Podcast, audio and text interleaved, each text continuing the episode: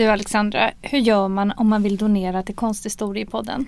Jo, då går man in på vår Instagram-sida och så går man in på länk i bio och där finns det en knapp som heter Ge en slant till Konsthistoriepodden och den klickar man på.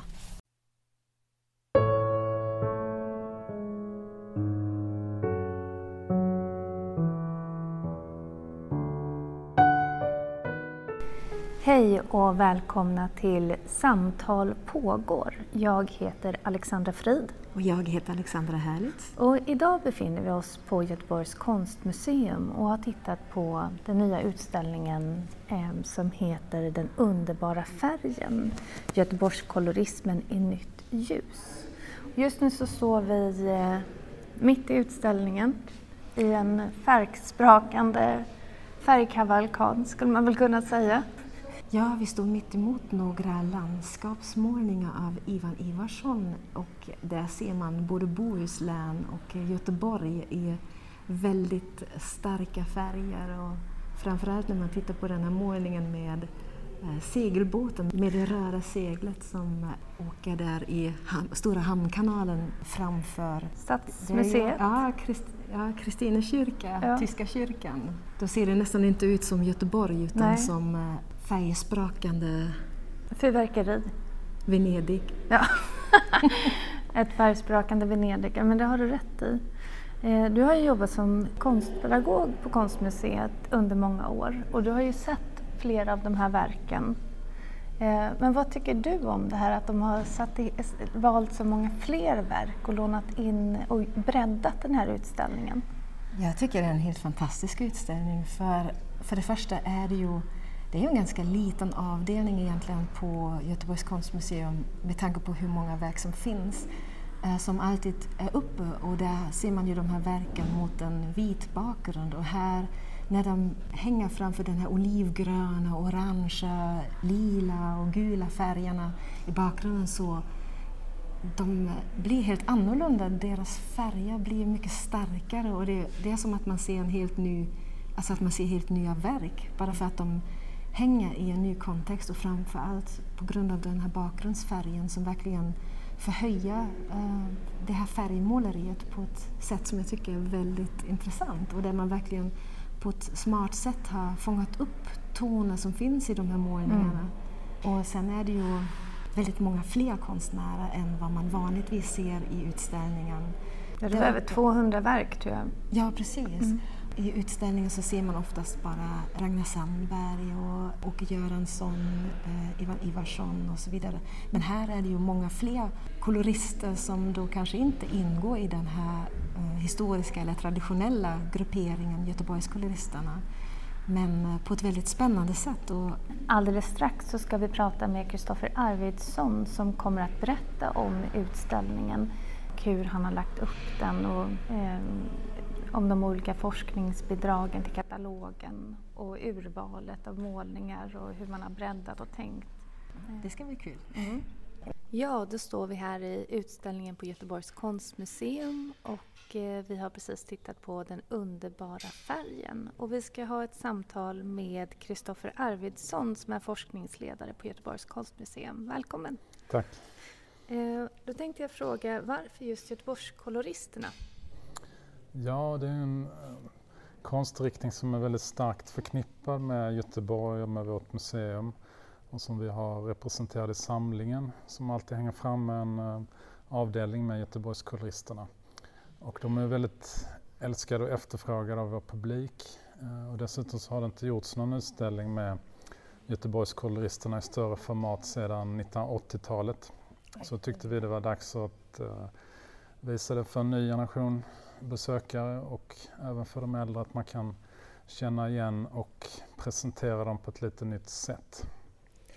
Den här berättelsen som finns om Göteborgskoloristerna den har ju länge varit lite diffus om man läste om den men den har ju ändå varit i princip oförändrad sedan den först skrevs fram, alltså ganska nära inpå händelserna.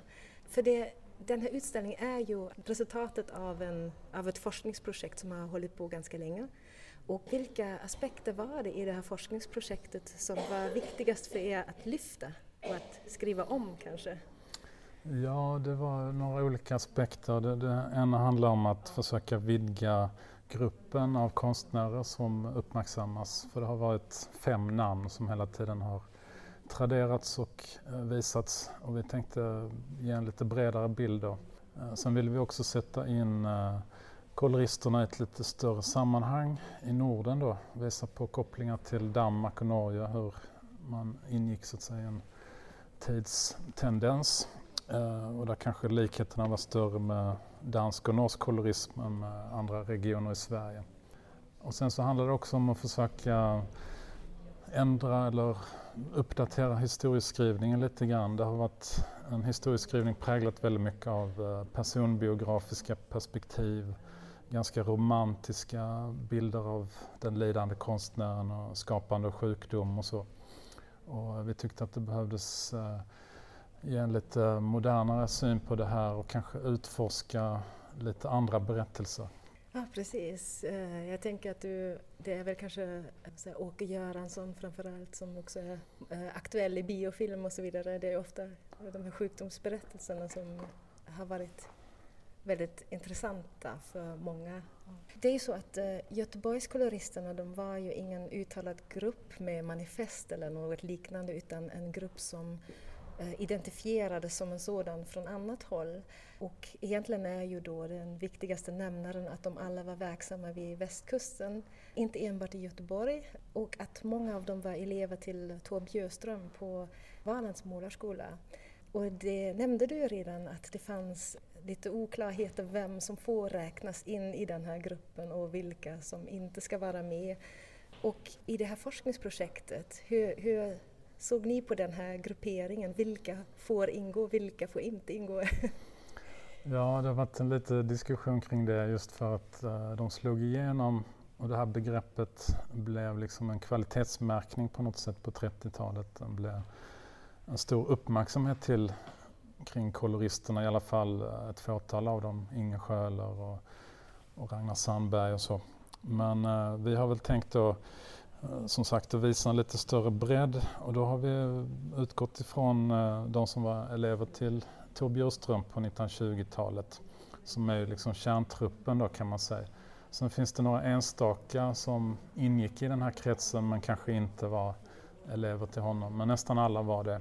Och sen det andra kriteriet är väl att de på något sätt ska ha arbetat med ett koloristiskt uttryck, att färgen är framträdande i måleriet att man använder den på ett medvetet sätt. Det behöver inte vara alltid stark färg, även om det ofta är det, men det kan också vara att man arbetar med mer subtila färgklanger och nyanser, men på ett väldigt medvetet sätt där färgen är liksom central i målningens uttryck.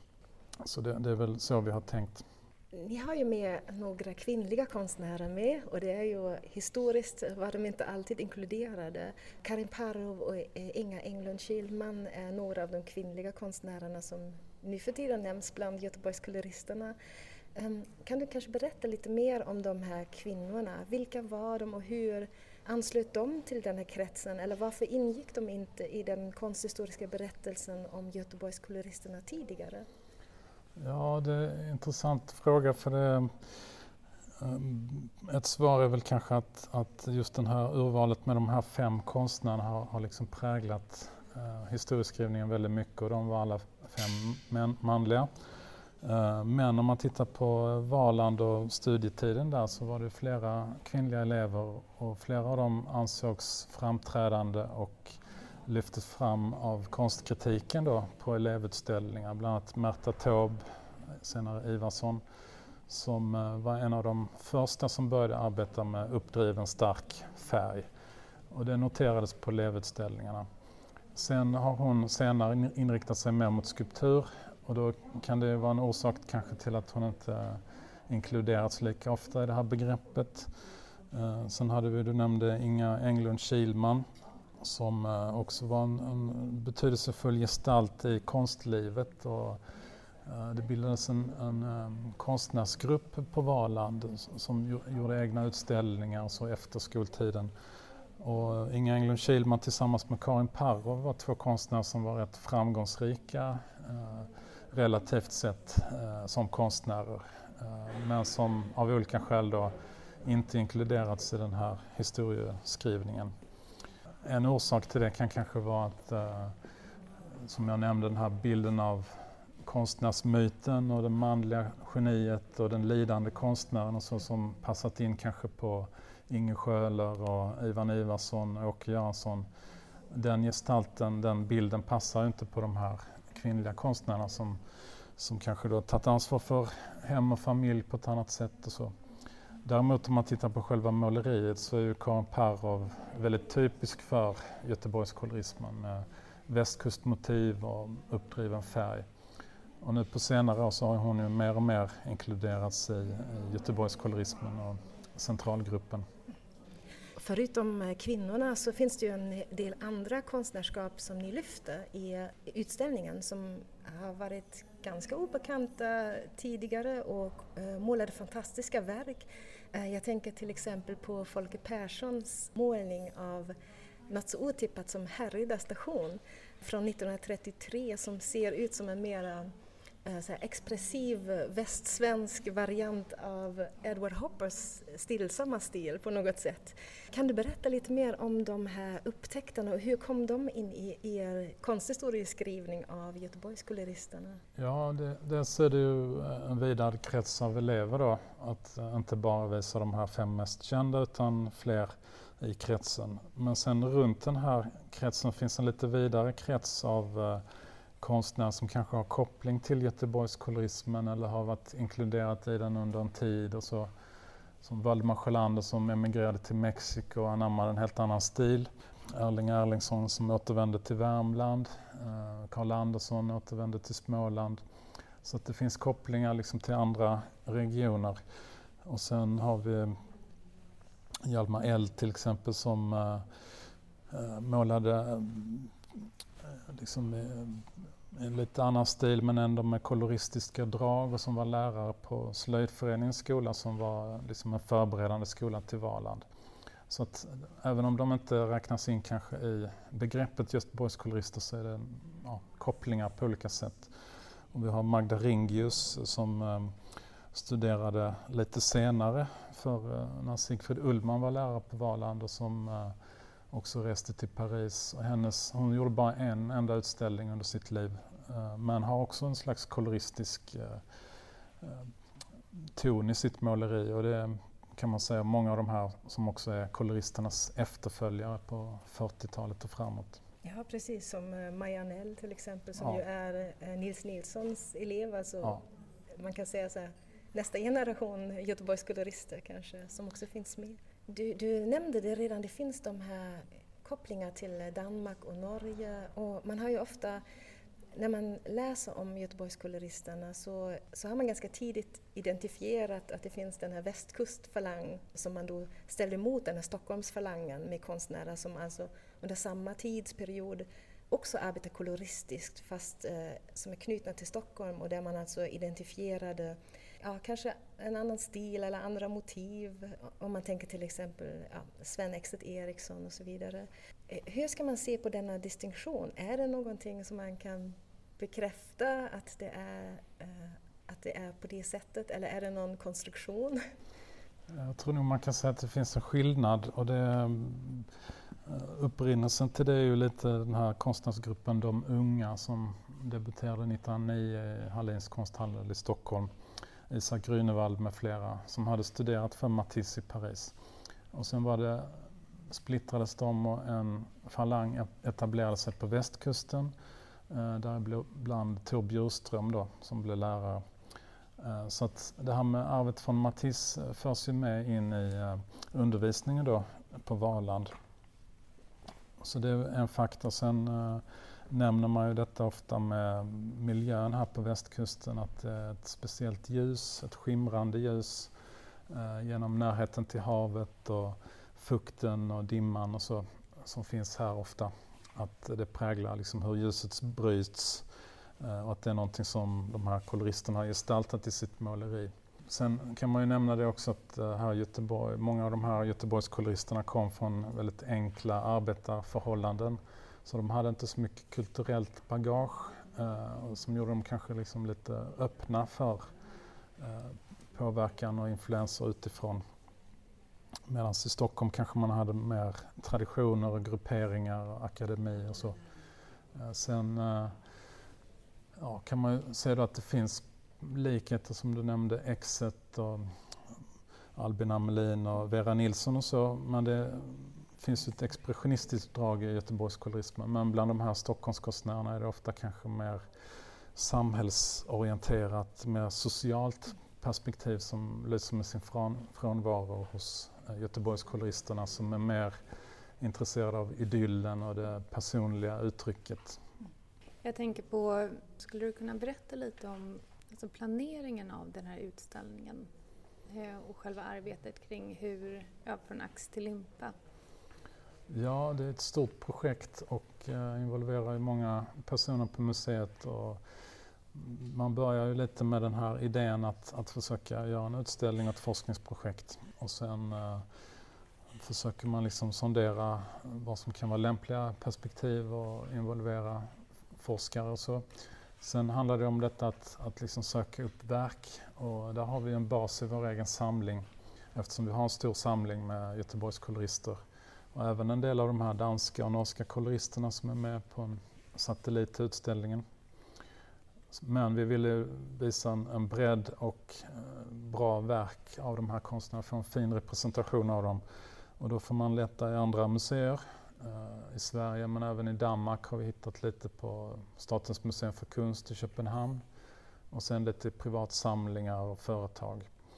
Så det, är lite detektivarbete men eh, på det sättet så kan man ju då kanske få fram konstnärer som vi inte har representerade i samlingen eller fler och andra verk än de vi har själva.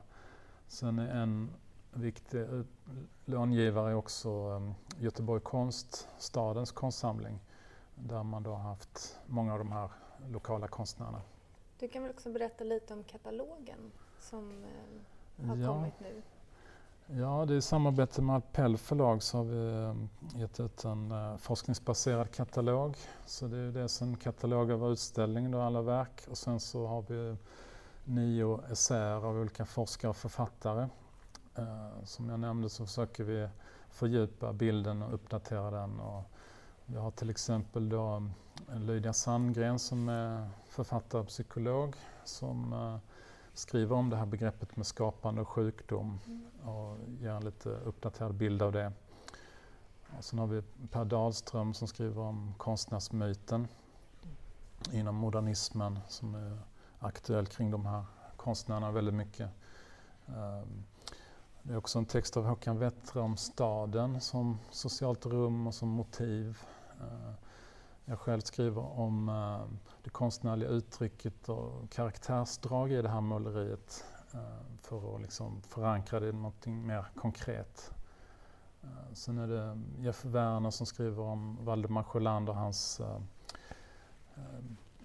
när han emigrerade till Mexiko, hur han liksom hamnade utanför för det här begreppet Göteborgskolorister ja, det är fler. Eva Zetterman hon skriver om eh, den här gruppen Unga Valans målare. Eh, Martin, Sund, Ma, eh, Martin Gustafsson skriver om konstmarknaden på 30-talet och vad de ställde ut och vilka som köpte deras verk. Och sen har vi också Patrik Sten som skriver om vitalismen och badmotivet och Andrea Kollnitz om nationell och regional identitet och hon jämför med den tyska expressionismen. Så att eh, det är lite olika perspektiv om man försöker eh, bryta Göteborgskolorismen mot lite andra jämförelser. Eh, det är ju en fantastisk katalog, det är ju en stor bok verkligen. Och, ehm, och den här utställningen den är ju också den, den är helt fantastisk, tycker vi i alla fall. Och man hör ju många också som är helt begeistrade och i pressen har det också nämnts att denna utställning nog är årets viktigaste och det kan man kanske hålla med om. Och för Göteborg är den förstås mycket speciell och kanske även en, en viktig markör nu när det är 400 års jubileet i stan. Um, du nämnde redan innan att uh, det är en populär uh, konstnärsgrupp eller det är populära konstnärer uh, hos publiken. Hur upplever ni här på museets besökare, de här, vilka reaktioner får ni på den här utställningen och den här, oms eller, ja, den här nya konsthistorieskrivningen kring den här gruppen som ju också kommer fram väldigt tydligt i de här väldigt bra skrivna eh, väggtexter i här utställningen. Ja, men det har varit stort intresse och eh, det är ett tillfälle som kanske inte kommer så ofta att få se de här verken samlade på det här sättet. Och eh, det har varit väldigt positivt från publiken och jag tror både då igenkänning, men många har ju sagt också att man har sett eh, verk av konstnärer som man aldrig har sett förut och, och, så. Så att man får en lite ny bild och sen som du nämnde texterna och katalogen, att det är lite andra perspektiv. Och sen är det också färgsättningen här, att vi har, presenterar de här verken som är väldigt många till antalet, det är över 200 verk i, i en utställning med mycket väggfärger så att, uh, som är liksom hämtade upp ur målningarna. Och det skapar grupper och dynamik i utställningsrummet och det är någonting som har väckt uh, mestadels positiva reaktioner men det är kanske ett nytt sätt som, att visa det på som alla inte är bekväma med. Vilken har varit den största utmaningen med den här utställningen? Ja, det har nog varit att liksom få tag i de allra bästa verken och samtidigt välja bort då därför att efterhand så, så, har man då en stor samling med verk och allting får inte plats och då måste någonting bort så att säga. Och då, det är väldigt svårt uh, men vi har velat ändå ha en väldigt generös utställning uh, med många verk. för jag tror att, att det vinner på att man, man får det här sammanhanget. Men, men det har varit svårt att välja bort. Och vad har det roligaste varit om utställningen? Ja, men det roligaste är nog alltid att få, upp, eh, få fram verken och få se dem på plats och möta dem. Liksom och när, när man ser dem tillsammans och man får ljussättning och allting och man ser dem, de kommer till sin rätt. Och hur länge pågår den här utställningen? Ja, då pågår utställningen till den 7 april 2024 så det är en ovanligt lång utställningsperiod. Och ni har flera programpunkter här som kommer gå under året, eller hur? Ja, det kommer komma upp fler under hösten här. Vi kommer att ha en del programpunkter i samband med Bokmässan och sen så blir det även här på museet eh, och även i Stockholm. Så att eh, det kommer efterhand. Stort tack Kristoffer. Tack, tack så mycket att du tog dig tid tack. att prata med oss. Ni hör ju att vi är väldigt begeistrade av den här utställningen och, och att vi varmt rekommenderar er att åka hit till Göteborg för att titta på den. Den är som sagt var öppen ända till i april nästa år. Ja. Kronprinsessan Victoria har också redan varit här och sett den. Så ni förstår, det är en väldigt viktig utställning att se. Ja, det är det verkligen. Ja. Det är verkligen en viktig utställning och den är verkligen sevärd på alla sätt. Nu hägrar en sommar och semester vi har bestämt oss att spara på säsong 4 som vi kommer släppa i mitten av september. Vi har länge funderat på hur vi ska göra, om mm. det ska bli några avsnitt innan sommaren eller inte, men vi känner att vi behöver en kort återhämtningspaus innan vi fortsätter till hösten. Mm. Då ska det bli nya spännande verk. Och ni kommer ju självklart få följa med oss på den resa som vi ska göra till USA de två sista veckorna av augusti. Ja, det ska bli så spännande. Uh, vi kommer ta med er till uh, västkustens stora museer, konstnär nej, konstnärsmiljöer i New Mexico. Till Boston. Vi ska till Boston. Ja, men det blir spännande. Det blir en resa till många platser som vi själva aldrig har varit på. Precis. Det blir fantastiskt spännande. Det kommer det. Eh, med det så vill vi önska er en trevlig sommar. Tack så mycket att ni lyssnade.